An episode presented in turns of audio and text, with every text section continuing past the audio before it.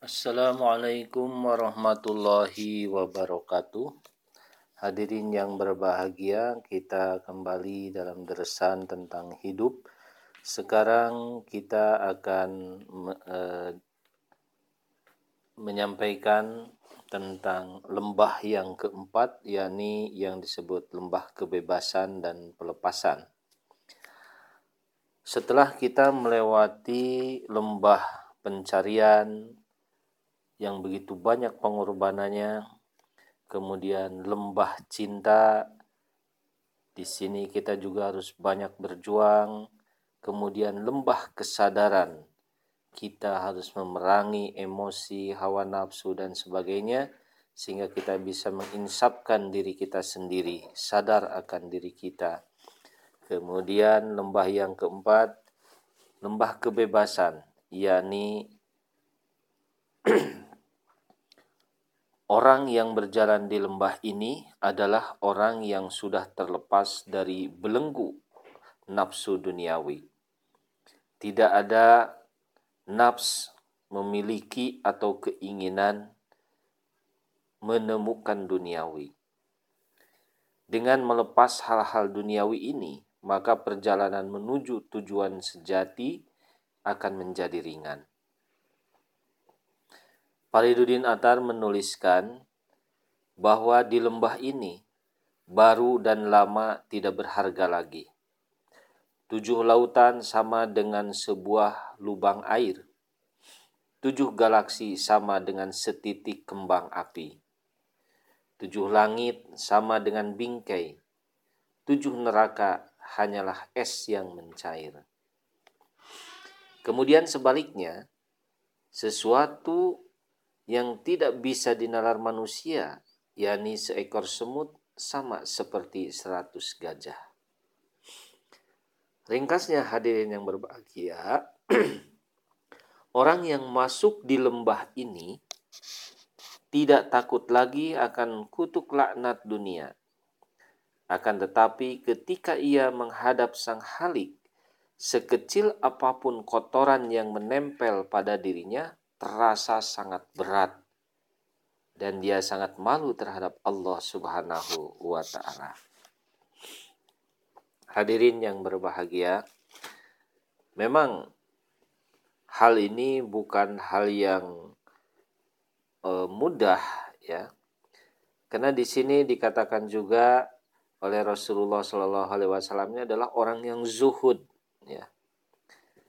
Jadi zuhud ini sudah menjadi bahasa nasihat sehari-hari, tetapi sebenarnya zuhud ini e, bukan hal yang mudah, perlu banyak perjuangan, perlu banyak pengorbanan dari diri kita.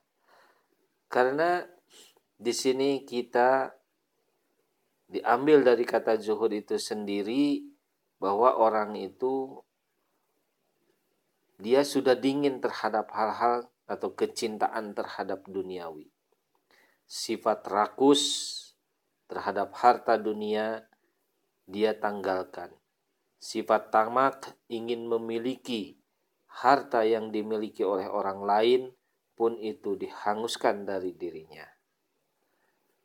Sehingga dengan memiliki sifat zuhud ini, yakni bagaimana kita bisa melepaskan atau mendapatkan kebebasan dari hal-hal nafsu duniawi, maka ini pula lah yang akan mengundang atau menjadikan Allah sangat mencintai kepada orang ini dan bahkan manusia pun akan mencintai.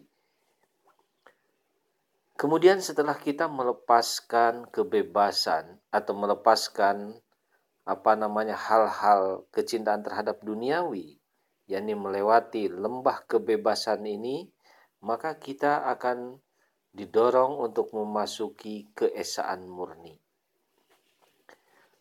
Dalam hal atau lembah keesaan murni ini, Faridudin Atar menuliskan tentang seorang syekh yang namanya Abu Ali Dakah.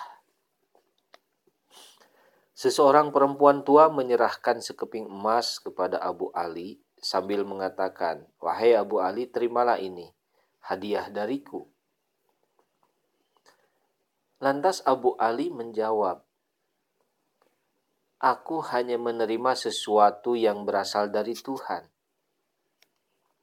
Maka perempuan pun bilang, Wahai Ali, dari mana engkau melihat sesuatu sebagai dualitas?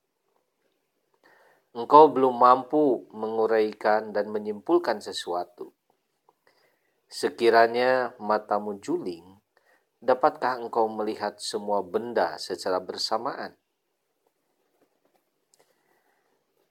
Harus diingat oleh kita semua, hadirin yang berbahagia, di lembah ini bukan berarti manusia menjadi Tuhan atau Tuhan menjadi manusia. Tuhan adalah Sang Pencipta dan manusia adalah yang diciptakan. Sangat jelas perbedaan kedudukan itu. Makhluk tidak akan melebihi Sang Halik. Di sini kita sedang berbicara masalah kefanaan yakni bagaimana seseorang melebur dirinya kepada atau dengan sang halik. Begitu sempurnanya peleburan tersebut, seolah-olah dualitas itu tidak ada, yang ada hanya keesaan. Coba kita perhatikan, jika kita memasukkan besi ke dalam api, maka lama-lama besi itu seolah-olah hilang yang ada hanyalah warna api yang memerah dan menyala. Padahal itu adalah dua wujud yang berbeda, yakni api dan besi. Nah, demikianlah keadaan seorang hamba yang fana akan Allah Subhanahu wa taala. Ia sempurna dalam memanifestasikan sifat-sifat Allah Subhanahu wa taala di dalam dirinya. Ia faham mengurai yang terikat dan mengikat yang terurai. Jadi hadirin yang berbahagia, ini sebenarnya adalah hakikat daripada syahadat. Orang yang memasuki ke lembah keesaan murni ini adalah orang yang bisa menampilkan, mengaplikasikan syahadat. Ashadu alla ilaha illallah wa ashadu anna Muhammad dan Rasulullah bahwa aku bersaksi tiada Tuhan selain Allah. Kemudian kesaksian itu dibuktikan di dalam dirinya dalam bentuk amalan dengan menjauhi syirik, segala bentuk syirik. Dia hanya kepada Allah menyembah. Dia hanya kepada Allah dia meminta. Tidak ada Tuhan-Tuhan lain selain Allah. Kemudian sebagaimana Allah Subhanahu wa taala firmankan dalam Al-Qur'an gambaran orang yang seperti ini di mana ibadah, sholat, pengorbanannya lillahi ta'ala hanya untuk Allah itu dicontohkan oleh junjungan kita Nabi Muhammad Shallallahu Alaihi Wasallam. Nah, orang yang memiliki keesaan murni ini atau yang memasuki lembah keesaan murni ini adalah orang yang benar-benar mengikuti jejak langkah Rasulullah Shallallahu Alaihi Wasallam. Jadi kepanaan yang dia miliki ini adalah kepanaan yang diajarkan oleh junjungan kita Nabi besar Muhammad Shallallahu Alaihi Wasallam. Kan tidak bisa dipisahkan. Tidak ada jalan lain sekarang untuk menjadi orang yang mendapatkan karunia dari Allah Ta'ala selain jalan yang dibawa, yang dicontohkan oleh Rasulullah Sallallahu Alaihi Wasallam. Makanya kita dalam syahadat juga mengatakan, mengucapkan wa ashadu anna Muhammad dan Rasulullah. Tapi Muhammad Shallallahu Alaihi Wasallam itu tidak dijadikan Tuhan, hanya Allah sudah menunjukkan pada kita siapa yang mencintai Allah maka cintailah Muhammad. Jadi siapa yang ingin panah dengan Allah maka ikutilah kepanaan Rasulullah Shallallahu Alaihi Wasallam. Jadi artinya kita di sini adalah sebagai orang yang fana fi rasul.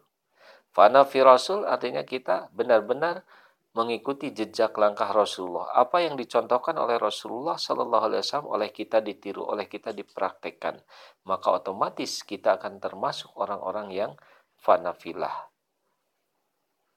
Kul inna sholati wa nusuki wa mahyaya wa mamati lillahi rabbil alamin. Itulah gambarannya, kesempurnaannya.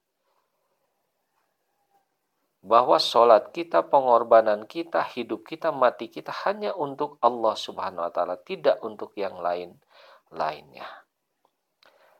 Dan inilah yang akan diantarkan oleh doa. Inna lillahi wa inna ilaihi rojiun. Kita asal dari Allah akan kembali kepada pangkuan Allah Subhanahu wa taala.